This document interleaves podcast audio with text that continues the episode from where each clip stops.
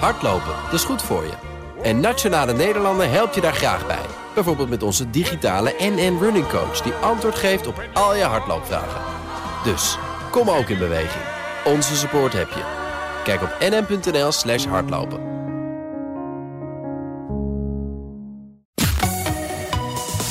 BNR Nieuwsradio. Bouwmeesters. Geert-Jan Haan. Wat treffen we aan bij onze buren als de coronacrisis voorbij is en we weer mogen reizen? Deze aflevering van Bouwmeesters gaan we alvast op virtuele citytrip naar Londen en Berlijn.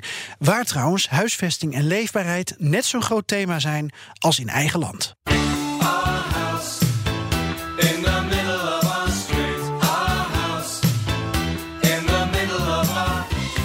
Straks gaan we naar Berlijn, maar eerst naar Londen. Die stad loopt leeg. En dat heeft alles te maken met de coronapandemie. Thuiswerken is meer in dan ooit. Mensen hoeven niet meer per se in de stad te zijn. Maar ze zijn wel erg massaal aan het verhuizen daar in de Britse hoofdstad. Lia van Beckhoven, onze Groot-Brittannië-correspondent. Dankjewel. Lia, jij hoorde Londen loopt leeg. En je dacht, ja. dat heb ik eerder meegemaakt.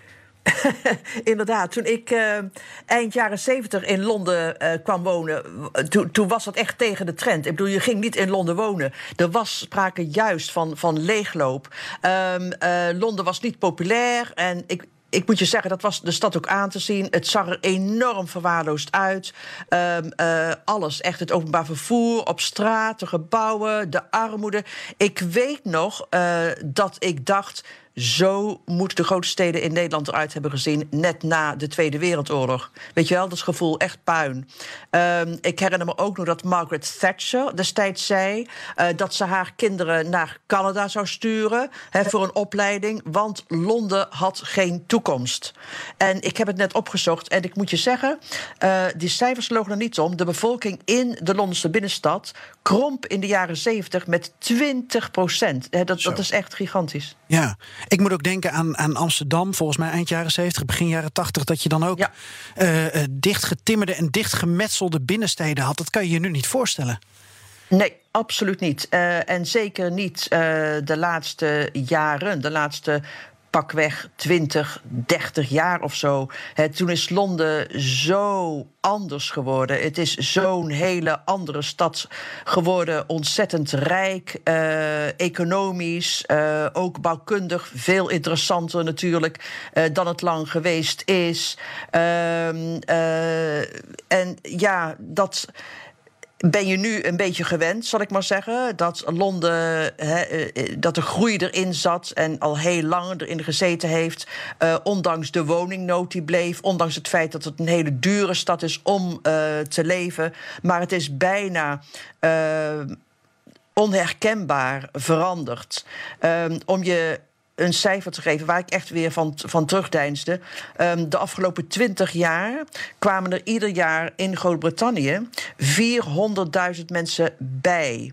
Dat is natuurlijk ook uh, uh, de reden waarom de economie groeide. En dat zag je in de eerste plaats in Londen. Um, uh, in het hele land kwamen er 6 miljoen banen bij. En dat betekende natuurlijk dat Groot-Brittannië ook ontzettend aantrekkelijk werd voor, voor migranten. Ja, maar dan hebben we het dus over bijvoorbeeld de, de Centraal-Oost-Europese arbeidsmigrant die nu weg is en niet meer terugkomt. Ja, kijk, sinds de meeste banen uh, zijn verdwenen vanwege COVID. Uh, en dan vooral in de horeca, de detailhandel, de winkels, hè, waar veel migranten werkten, zijn zij ook verdwenen. Uh, dat heeft vooral te maken, denk ik, met COVID, omdat nergens in de Europese Unie de economie harder uh, geraakt is uh, door corona. En ook nergens in de Europese Unie is het sterftecijfer hè, groter dan in het Verenigd Koninkrijk. Dus ehm, economisch had het geen zin om te blijven. En bovendien, voor je gezondheid was het ook veiliger vaak om terug te gaan naar het land van herkomst. Dus dat, dat is uh, gebeurd. En ik moet je zeggen, dat is een stad aan te zien. Ja, ja neem me mee. Hoe. hoe luister jij naar de stad? Uh, en, en heb je er nog een paar cijfers bij? Hoeveel mensen zijn er nou uit de stad weggegaan? Kun je het een beetje nou, zo'n beeldend maken? 700.000 mensen zijn vertrokken. Zo. Uh, dan hebben we het over Londenaren die elders geboren zijn. 700.000 mensen, dat is 8% van de uh, hoofdstedelijke bevolking. Um, is dat uniek? Het is niet uniek, maar het is wel opmerkelijk. Ik bedoel, de laatste keer dat zoveel mensen wegtrokken, we hebben het over een enorm aantal, was tijdens de Tweede Wereldoorlog. Uh, vanwege de Duitse bombardementen op de stad trokken mensen het platteland op. Um, uh, net voor de Tweede Wereldoorlog woonden er 8,6 miljoen mensen in Londen. En weet je, het duurde tot 2015 voordat dat aantal weer bereikt was. Um, je zou het niet zeggen als je nu door de stad loopt. Um, uh, het, het is. Het, het, uh, de, de, energie, zal ik maar zeggen. Hè, de, de opgewekte bijna drukte van de laatste 20, 30 jaar. Um, uh, dat was zeker niet wat ik tegenkwam in de jaren 70. Uh, maar nu is er echt helemaal geen drukte. Hoewel het begint weer wat voller te worden. Uh, zeker wat meer in het openbaar vervoer. Uh, drukker ook in het verkeer. Maar toen ik tijdens de laatste lockdown de stad inging. Ik, ik woon in een buitenwijk. Toen was het echt onvoorstelbaar. Ik bedoel, heerlijk natuurlijk van de ene kant. Hè, want wanneer heb je de kans om keihard door Park Lane of uh, Piccadilly Circus te fietsen? Ja. Um, maar ik vond het ook wel, wel eng. Ook wel beangstigend. Wat spookstadachtig. Hè, want zo weinig mensen op straat. Um, uh, en ik, ik sprak met een paar eigenaren van uh, cafés, maar een paar die open waren, weet je wel, voor afhaal, koffie en broodjes en zo. En die mensen waren echt wanhopig. En je zag ook, nou, die bedrijven die lopen op hun laatste benen, die, die redden waarschijnlijk het einde van het jaar niet. In Nederland zie je dat er ook veel wordt gesproken over mensen die nu in de grote stad wonen met hun gezinnen. Um, en die overwaarde op hun huis hebben als ze zouden verhuizen. Dan heb ik het over mensen uit Amsterdam of Utrecht bijvoorbeeld, ja. dat die de trek naar het oosten van Nederland maken. Zie je zoiets ook in, in, in Londen? Zitten daar ook mensen Absoluut. onder die 700.000 tussen? Absoluut. Er zijn, uh, uh, zeven, er zijn inderdaad, uh, er is een trend naar de provincie, naar het platteland, om dezelfde reden als in Nederland natuurlijk. als je weet hoe het werkt om van thuis te werken en je weet dat het niet nodig is om naar kantoor te gaan en je moet het nu doen met je laptopje op de keukentafel, waarom niet zoeken naar een huis buiten de stad waar je een tuin kan hebben of zelfs een lap grond om je huis kan hebben, als je toch niet meer afhankelijk afhankelijk bent van uh, weet je, dagelijkse sporen uh, naar de binnenstad. Dus dat zie je hier ook. Die trend uit de stad. Maar tegelijkertijd heeft dat geen effect gehad. Ja, het is zo merkwaardig. Het heeft geen effect gehad op de prijzen, de huizenprijzen in Londen. Sterker, oké. Okay, uh, de huur is gedaald met 7% tussen oktober 2019 en oktober vorig jaar. Okay. Maar de huizenprijzen zijn gestegen. Voor het eerst in een economische recessie in de moderne geschiedenis stijgen hier de huizenprijzen. En niet zomaar een, weet je wel, een beetje, maar met 6,2 procent. Dat is echt heel, heel erg ongebruikelijk. En je houdt je hart vast. Ik bedoel, um, tegelijk, de woningnood neemt toe. Tegelijkertijd, ook de werkloosheid en toch stijgen de huizenprijzen. Ik bedoel, vraag me niet naar de oorzaak, maar het heeft zeker ook te maken met uh, de maatregelen van de regering om het uh, makkelijker te maken om te kopen. De extra belasting die je betaalt bij aankoop bijvoorbeeld, die is erg versoepeld. Dus dat heeft er ook voor gezorgd dat uh, de huizenmarkt niet op zijn achterste ligt. Oké, het is niet één op één te zeggen dat de, de stijging van die koopprijzen te maken ook heeft met dat, dat dat huizen zijn die juist van beleggers zijn of van projectontwikkelaars en dat ze ook gewoon niet dus... lager willen zitten? Nee. Niet alleen, niet alleen maar. Nee, dat heeft daar niet alleen maar uh, mee te maken. Er zijn ook mensen die echt nu kopen in, uh, in Londen. Nog steeds, nog steeds. Ja, bij een bruisende stad, uh, Lia, we, we, horen ook nieuwe projecten. Hè, nieuwe bouwprojecten. Je hebt natuurlijk ook lopende bouwprojecten. Wat is daar de status van?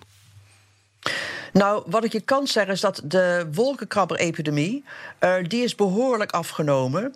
Uh, in 2019, ik heb het voor je opgezocht... Uh, zijn er 60 nieuwe hoge torens gebouwd. Dat was echt een record weer.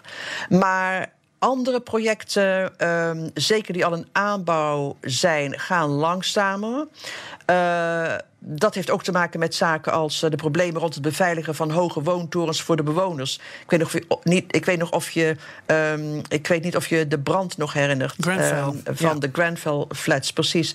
Uh, sindsdien zijn er, er wordt er enorm getopt met um, wat je doet, uh, wat je moet doen aan het bouwen van woontorens en vooral het beveiligen daarvan voor de mensen die daar wonen. en nogmaals, ook een verschil is dat thuiswerkers, minder kantoren betekent. De bouw van nieuwe kantoren is absoluut afgeremd. En opnieuw merk je dat weer in de binnenstad. Niemand weet precies wat er gaat gebeuren. Ehm, eh, dat, dat merk je ook. Ik, heb echt het gevoel dat uh, het hele land, ook onder andere door Brexit, maar ook natuurlijk vanwege de pandemie en vanwege het feit dat de pandemie uh, Groot-Brittannië zo hard geraakt heeft, dat het toch in een soort van overgangsfase zit waarvan niemand eigenlijk weet waar dit schip gaat stranden. Nee. En dat geldt niet alleen voor politici, maar dat geldt ook voor inderdaad investeerders, speculanten en mensen die bezig zijn met ruimtelijke ordening bijvoorbeeld. Tegelijkertijd hoor ik ook wel goede verhalen over Londen. Ik sprak uh, Carolien Gerels uh, uh, laatst. En zij gaf aan, zij is van de bouwagenda in Nederland, voormalig wethouder in Amsterdam.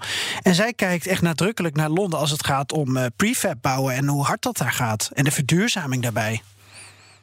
Ja, dat is een andere kant uh, van de stad. En dat gaat inderdaad ook door. Dat gaat inderdaad ook door. Maar het houdt niet echt uh, trend, zal ik maar zeggen, met de noodzaak die er is. Hm. Uh, de aanvoer van nieuwe woningen, van nieuwe gebouwen. Vooral voor mensen die minder kapitaalkrachtig zijn. Die achterstand is gigantisch nog steeds. En de projecten waarvan ik denk te weten waar zij het over heeft. Um, uh, dat is inderdaad uh, niet helemaal een druppel op de gloeiende plaat. Maar nogmaals, er moet veel en veel meer gebeuren. En vooral nu dan het feit is, dan er nu gebeurt. Wil je een soort van effect hebben op de markt. En dan gaat het vooral op de markt inderdaad van mensen die nu geen vast dak boven hun hoofd hebben. Is er nog een Brexit-effect? Ik denk het wel. Kijk, de belangrijkste reden voor die, um, de, de relatieve leegloop van nu was niet Brexit hoor. Ik bedoel, veel mensen die terugkeren waren, die nu teruggekeerd zijn, waren van buiten de Europese Unie. Uh, maar de Britse uittreding kan natuurlijk wel uh, tot gevolg hebben dat veel Europeanen niet meer terugkomen. de meeste Europese migranten uh, hebben de nieuwe verblijfsvergunning, de settled status, uh, die nodig is om terug te komen. Dus zouden in principe terug kunnen komen. Maar anderen hebben dat niet. En voor hen is het heel erg onzeker wat hun rechten zijn. De regering is daar ook helemaal niet duidelijk over. En voor nieuwe Europese migranten is het natuurlijk veel moeilijker sinds Brexit om Groot-Brittannië te proberen en eens te kijken hoe het bevalt om een jaar in Londen te gaan wonen. Maar dat is ook iets wat hier speelt. Uh, uh, kijk, er zijn natuurlijk ontzettend veel banen verdwenen uh, vanwege COVID in de horeca. Uh, waar vooral migranten werkten. Hè? Winkels, waar ik het al over had, detailhandel en zo. Ehm, maar de vraag waar veel Britten nu mee worstelen is: komen die migranten terug als de horeca weer open gaat? Nou, ik weet het niet. Maar ik denk als ik uh, terug, terugkijk op de laatste keer dat ik in Londen was. Um, dan denk ik dat veel hotels, veel restaurants, veel cafés failliet gaan en gewoon nooit meer open gaan.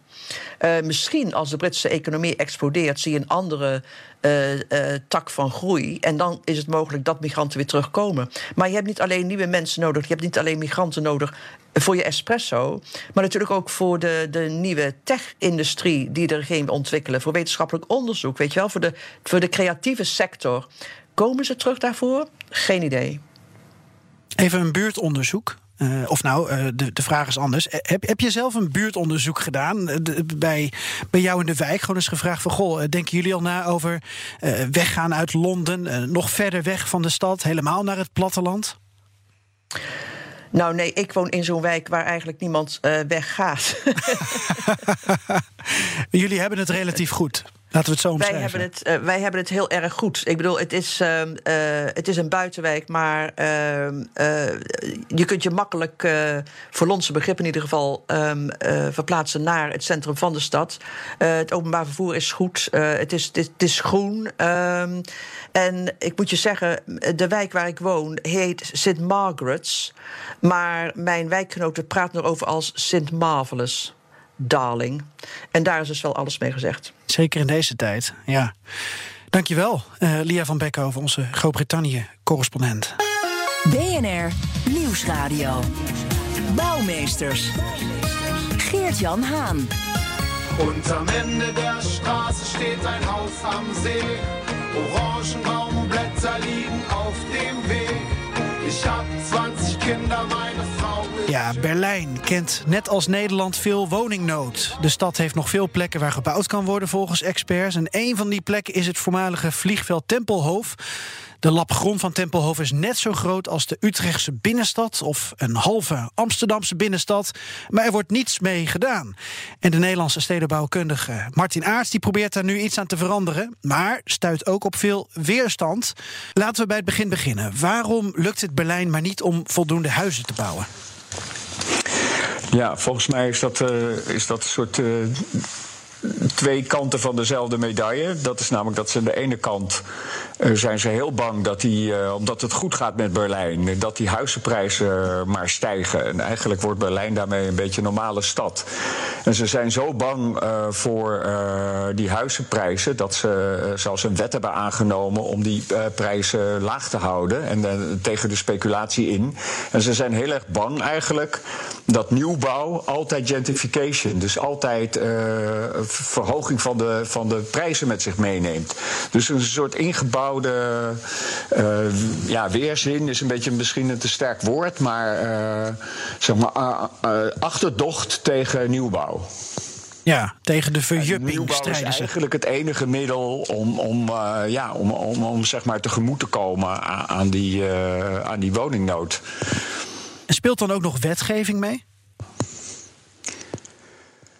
Nou ja, nee. Berlijn is in principe uh, hetzelfde als, als, uh, als alle andere steden. Alleen Berlijn die heeft, is, heeft dus nu wetgeving gemaakt om die huizenprijzen naar beneden weer te krijgen. En daarmee gaat de, de productie van de woning ook omlaag. Omdat heel veel investeerders durven gewoon geen woningen meer te maken. omdat ze denken van ja, heb ik een woning en dan mag ik, mag ik eigenlijk maar, daar kan ik niet de normale prijs voor vragen. Dus ik, dat, dat, die twee dingen houden wel alles met elkaar, uh, hebben, houden met elkaar verband. Ja, ik ben heel benieuwd naar uw plannen voor Tempelhof. Uh, want dat is dus een, een hele ruime locatie, om het zo te noemen. Maar eerst misschien goed om even te vermelden dat u jarenlang voor de gemeente Rotterdam werkte. En, en, en nu dus uw vleugels hebt uitgeslagen naar Berlijn. Hoe is dat zo gekomen? Nou ja, het kwam eigenlijk omdat ik uh, toen het goed ging met Rotterdam, dus zeg maar in 2014, uh, heel veel uh, Berlijnse delegaties naar Rotterdam kwamen. En die wilden van mij weten van, nou ja, hoe ik dat voor elkaar had gekregen. Dat Rotterdam opeens, zeg maar, in de top 10 van aantrekkelijke steden, in de Lonely Planet terecht was gekomen. Ook in de Berlijnse kranten dat Rotterdam nog leuker was dan Berlijn. Dat zijn natuurlijk journalistentaal, maar ze waren wel heel nieuwsgierig wat, daar, wat daar gebeurd was. En die ontving ik. En omdat ik uh, Duits sprak, uh, toen nog eigenlijk helemaal niet zo goed. maar, en ze dat verhaal heel interessant vonden, nodigden ze mij ook weer uit naar Duitsland. omdat de meeste bestuurders, uh, dus van die middelgrote steden, uh, geen Engels spreken. En toen, daardoor kwam ik op het idee van ja, mijn, mijn Duits is gewoon niet goed genoeg. Ik bedoel, het klinkt wel grappig, maar ik, ik wil dat verbeteren. En ik heb dus mijn sabbatical, eigenlijk na mijn pensioen, mijn sabbatical in Berlijn, ben ik gestart met een uh, cursus in, voor het, in het Goethe-instituut, dus Duits. En omdat ik zelf eerst natuurlijk die cursus moest gaan regelen en een kamer moest gaan regelen, had een journalist uh, wist van dat ik in Berlijn was op dat moment. En er was net een, een wet aangenomen uh, om de verkeersdoden tegen te gaan. En die wilde mij interviewen omdat ik als Nederlander op de fiets geboren daar vast wel een mening over had. En nou, we kwamen in gesprek. Ik moest natuurlijk verschrikkelijk lachen, omdat de wet zei: we moeten naar nul. En ik zei: ja, je kan moeilijk een wet maken waarmee je naar tien gaat. Hè tien doden mag. En, maar goed, ik had natuurlijk al heel vaak zo'n presentatie gehouden. Dus ik liet hem zien van ja, het gaat veel meer. Het gaat om hele andere dingen. Het gaat erom dat hier die binnenstad van de toeristen wordt. En omdat de, de bewoners hier wegtrekken. Dat zie je omdat hier geen supermarkten meer zijn. Nou, van het een kwam kwam het ander. Ook dat, dat het eigenlijk voor een Hollander hier sowieso gevaarlijk was om te fietsen. zeg maar, terwijl Hollanders toch wel wat gewend zijn. En toen kwam er een enorm artikel uit in de Tagesspiegel. Ja, twee weken terug. daarmee was ik eigenlijk op de eerste dag van het Goethe-instituut... werd ik al door die journalisten gebeld met een soort van... nou, stop maar met je cursusje, want je moet gewoon optreden op podia en, uh, en bij stadsontwikkeling en nou ja, televisie, radio. Dus ik was eigenlijk daar uh, door, vooral door het uh, krantenartikel en mijn verhaal natuurlijk, ja, aanwezig. En, en ja, dan komt van het een het ander. Ja. Das Berliner strijdobject, zo wordt het door de Duitsers uh, genoemd. En dan hebben we het dus over het oude vliegveld Tempelhof, waar u onder meer op uitkwam. En, en dat kennen we hiervan. Ja. Even luisteren. Blocked by land and sea, the Allies respond from the sky with the most massive airlift in history. On June 26, 1948, a fleet of U.S. Air Force C 47s carries 80 tons of food into Berlin. This landmark airlift is but the first of what will become a mammoth mission of mercy. Ja, de luchtbrug van de westerse geallieerden naar Berlijn nadat Sovjet-dictator Jozef Stalin de blokkade van West-Berlijn opwierp in 1948. Ja, Tempelhoven. Op dit moment gebeurt er niks met dat terrein, dat dus zo groot is als de Utrechtse binnenstad. En ik begrijp dat u ook een zekere fascinatie heeft voor, voor, voor de historie van deze grond. Nou ja, de, zeg maar, mijn, mijn, mijn eerste zoektocht in Berlijn was sowieso om te kijken naar uh, waar je die 200.000 woningen uh, zou kunnen uh, plannen. Wetende, en dat heb ik gewoon in Rotterdam geleerd, dat je de steden ook heel groen moet maken. Dus je verdichten en groenen is eigenlijk dezelfde component. En dan stuit je een, in die zoektocht, had ik wel zo'n gevoel van waar je die 200.000 woningen zou kunnen bouwen, waarmee je ook Berlijn sterker kan maken. Dus niet in de, in de buiten, buiten Berlijnse grenzen, maar binnen de stad. Dus dan investeer je in de stad. Dan valt Tempelhoofd natuurlijk ongelooflijk op. En ik ken Tempelhoofd van, van de prijsvraag uit uh, 2014, waar, ze, waar dus net dat vliegveld werd opgeheven en vrijkwam. En er een prijsvraag was met allemaal ideeën. En de Berlijners zeiden, wat ze trouwens bijna altijd zeggen, van nou, uh, lassen zo, van laten we gewoon niets doen. En dat vond ik eigenlijk een super sympathiek idee. Soort van als er net, als er altijd een vliegveld is geweest en dat is weg, om dan maar eerst maar even te gewoon te genieten van die enorme ruimte en, en het idee dat je daar mag lopen als voetganger, mag zijn, mag picknicken, mag fietsen, mag skaten, whatever. En uh, nou, dat, dat, dat, dat heeft natuurlijk heel lang geduurd. En, en uh, op een gegeven moment denk je van ja genoeg gelachen, zouden we als Hollanders zeggen. Uh, het is ook duidelijk geworden dat het zo groot is. Twee kilometer bij twee kilometer. Het is niet voor niks was het een vliegveld. Dat dat in een tijd dat, dat woningnood en, en de vergroeningsopgave en de klimaatopgave. Uh, ook Berlijn nummer 1, 2 en 3 van, van het beleid zijn. Dan dan kan je dan moet je nu wel je gaan bezinnen uh, op, uh, op de toekomst van ja. Tempelhof. Ja. En, en dan kwam uh, eigenlijk, nou ja, ik dacht, ja, waar bemoei je mee? Ik was er ook niet voor gevraagd. Dus ik, ik, ik had gewoon dat alleen geagendeerd in mijn lezingen. En toen kwam er in de krant dat de FPD, dat die hadden gezegd, je kan een randbebouwing maken. En een randbebouwing voor 20.000 inwoners. En, en toen werd ik een beetje, uh, ja, hoe heet dat, bozig, uh, teleurgesteld. Uh, toen dacht ik van ja, dit kan niet. Want wie willen nou in een randbebouwing wonen? Mensen die, die willen in Berlijn wonen. Dus je gaat je kinderen in een randbebouwing naar school brengen, in een randbebouwing winkelen. Dat, dat, dat, dat, wat is, dit is een woningnoodoplossingsprobleem. Terwijl je moet de stad beter maken, versterken. Dus uh, nou, dat vond ik in die zin. Ik vond het heel mooi dat die discussie daarmee uh, weer werd geopend. Dat je er überhaupt iets mee kon doen. Want 63% van de Berlijners die vond het eigenlijk wel een goed idee. Maar ik dacht, ja, voordat ze dit gewoon letterlijk gaan doen, maken ze het volgende probleem. Want straks zit je met die randbebouwing.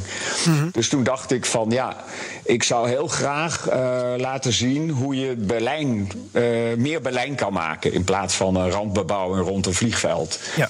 En toen wist ik dat, dat hadden alle politieke partijen mij ook voor gewaarschuwd. Het is een mijnenveld. Als je je daarmee bemoeit, Martin blijft daar weg. En toen dacht ik, ja, en toch ben ik heel benieuwd. Dus toen heb ik, omdat ik lesgeef op de academie in Amsterdam ook, uh, daar uh, het als opgave uh, geformuleerd. En gezegd aan die, en gevraagd eigenlijk aan die studenten: wat denken jullie? Dus een hele open vraag. En ik was zelf ook super benieuwd naar het antwoord. Ik wist ook in principe het antwoord niet.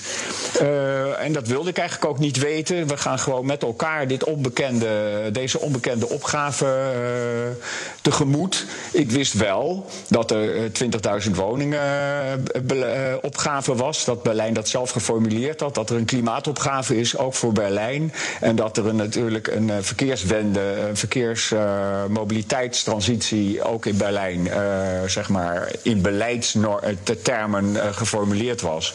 Dus dat heb ik ook gewoon aan die, aan die studenten verteld. En die studenten die gingen op excursie naar Berlijn, eigenlijk uh, nadat ze ook al uh, een tijdje daarop hadden getekend. En die kwamen eigenlijk nog, nog anders, meer, meer geërgerd terug dan, dan ik was. Want die zeiden van. Het is een schande om in deze tijd, midden in de stad, zo'n veld, waar, wat je echt met, uh, niet, niet op die manier kan gebruiken. Uh, hè, met zoveel mensen zijn er gewoon niet uh, om op een, op een landingsbaan te skaten. Uh, om dat zomaar onbenut te laten. Dus ik schrok weer van hun reactie. Ik dacht, nou, ze zijn veel uitgesprokener eigenlijk dan ik. Maar ook het grappige was dat landschaparchitecten, want er waren zes landschaparchitecten en zes stedenbouwers, die landschaparchitecten zeiden. Ja, dit is ook heel slecht voor het klimaat. Want dit, dit helpt niet de hittestress. Want dit is gewoon een, een zeg maar wat zij dan gras, uh, grasasfalt noemen. Dit is gewoon een vlakte die je alleen maar opwarmt. Als je iets tegen klimaatverandering zou willen doen en je wil hier niet bouwen, dan moet je op zijn minst een bos aanleggen om iets aan die hittestress te doen en iets aan die droogteperiodes, het waterprobleem. Oh ja. En iets aan de biodiversiteit. Hè, de drie grote stedelijke opgaven voor klimaatverandering. Ja. Dus ook landschaparchitecten zeiden niet: Goh, wat leuk, uh, jullie willen alles maar volbouwen tegen die stedenbouwers. Maar die zeiden van ja. En eigenlijk zei iedereen: je moet er iets mee doen. Dit is BNR Bouwmeesters. Ik praat met Martin Aarts, stedenbouwkundige... die Berlijn onder handen wil nemen. Onder meer het oude vliegveld Tempelhof. Meneer Aarts, ik ben er zelf uh, geweest, twee jaar terug. Ik heb er overheen gefietst, wat u al uh, benoemde. Uh, voor de mensen die er niet zijn geweest, maar misschien wel in Nederland Park Vliegbasis Soesterberg kennen. Misschien zou je het daar een beetje mee kunnen vergelijken. Hè? Een militair terrein waar je tegenwoordig uh, ook kan wandelen, waar je kan fietsen. U heeft daar met studenten naar ideeën gekeken. Die studenten kwamen met ideeën terug. Maar welke plannen liggen er nu voor Tempelhof? Ja, dat is dus eigenlijk alleen maar uh, de randbebouwing uh, door de uh, FPD. Dus het is een liberale partij, maar een hele kleine partij. En als in, in Berlijn één partij ergens voor is, zijn alle andere partijen per definitie tegen. Dus het debat over de toekomst van Tempelhof ging ook heel erg alleen maar: ben je voor die randbebouwing of tegen? En er was dus helemaal geen, zeg maar, verbeelding en helemaal geen keuze of discussiemogelijkheid buiten dat je voor of tegen een randbebouwing was. En de meeste mensen die ze waren wel voor die uh, randbebouwing, omdat ze dachten, nou dan. Uh, dan, dan, uh, dan wordt er tenminste iets gedaan en dan blijft de rest over. Ja. Wat de studenten wilden en lieten zien, was dat je op hele verschillende manieren een heel interessant stuk Berlijn kon maken. En wat ons doel daarmee was, was niet om zo moet het, maar om het debat wat, wat, wat ruimer, wat, wat interessanter, wat, uh, wat, wat uh, breder te maken dan alleen maar ja of nee tegen randbebouwing. Dus het ging er ons helemaal niet om van kijk, wij, wij bieden het heilige alternatief, ja. maar wij maken het mogelijk, doordat u zich dit kunt voorstellen, omdat het getekend is, om over de toekomst van Tempelhoverveld te praten. Om het een beetje te ontspannen. Ja, ja, maar als ik u goed begrijp, want u had het al even over de lokale politiek. En dan komen we dus uit bij de bureaucratie. Dan wordt het dus vrij lastig om het er nu zomaar doorheen te krijgen. Nou, dat hoeft helemaal niet. Ik bedoel, we, ik, mij gaat het. Ik bedoel, ik ben niet de baas van. Uh, ik bedoel, in Rotterdam had ik een leidende functie. Maar ik ben niet de baas van Berlijn. En Berlijners moeten het vooral zelf weten. Waar het mij om gaat, is dat mensen die. Uh, zeg maar, de coalition of the willing. Mensen die denken, ja. Er moet iets.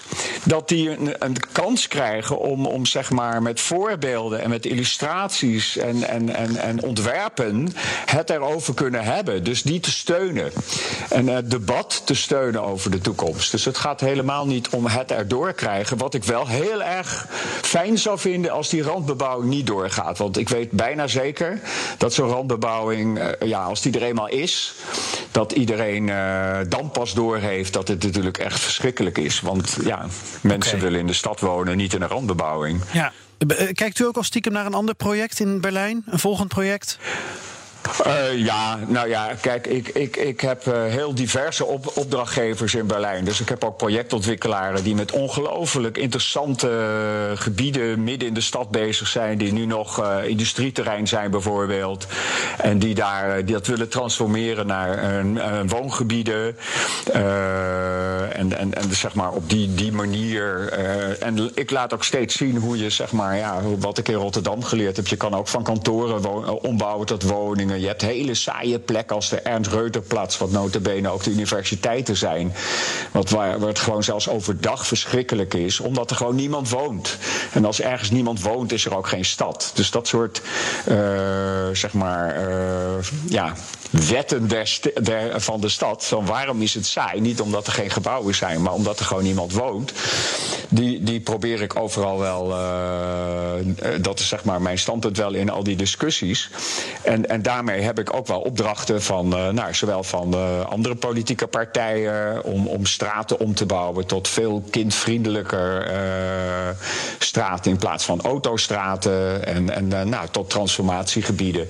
Dus ik, ik, ik ben wel ook op een uh, kleinere schaal uh, heel, heel erg ja. bezig met uh, te laten zien wat er allemaal wel niet kan. Ja, ik wens u heel veel succes met het leefbaarder maken van, van Berlijn. Want zo klinkt het. U bent het uh, onder handen ja, aan het nemen. U, bent ze met, uh, ja.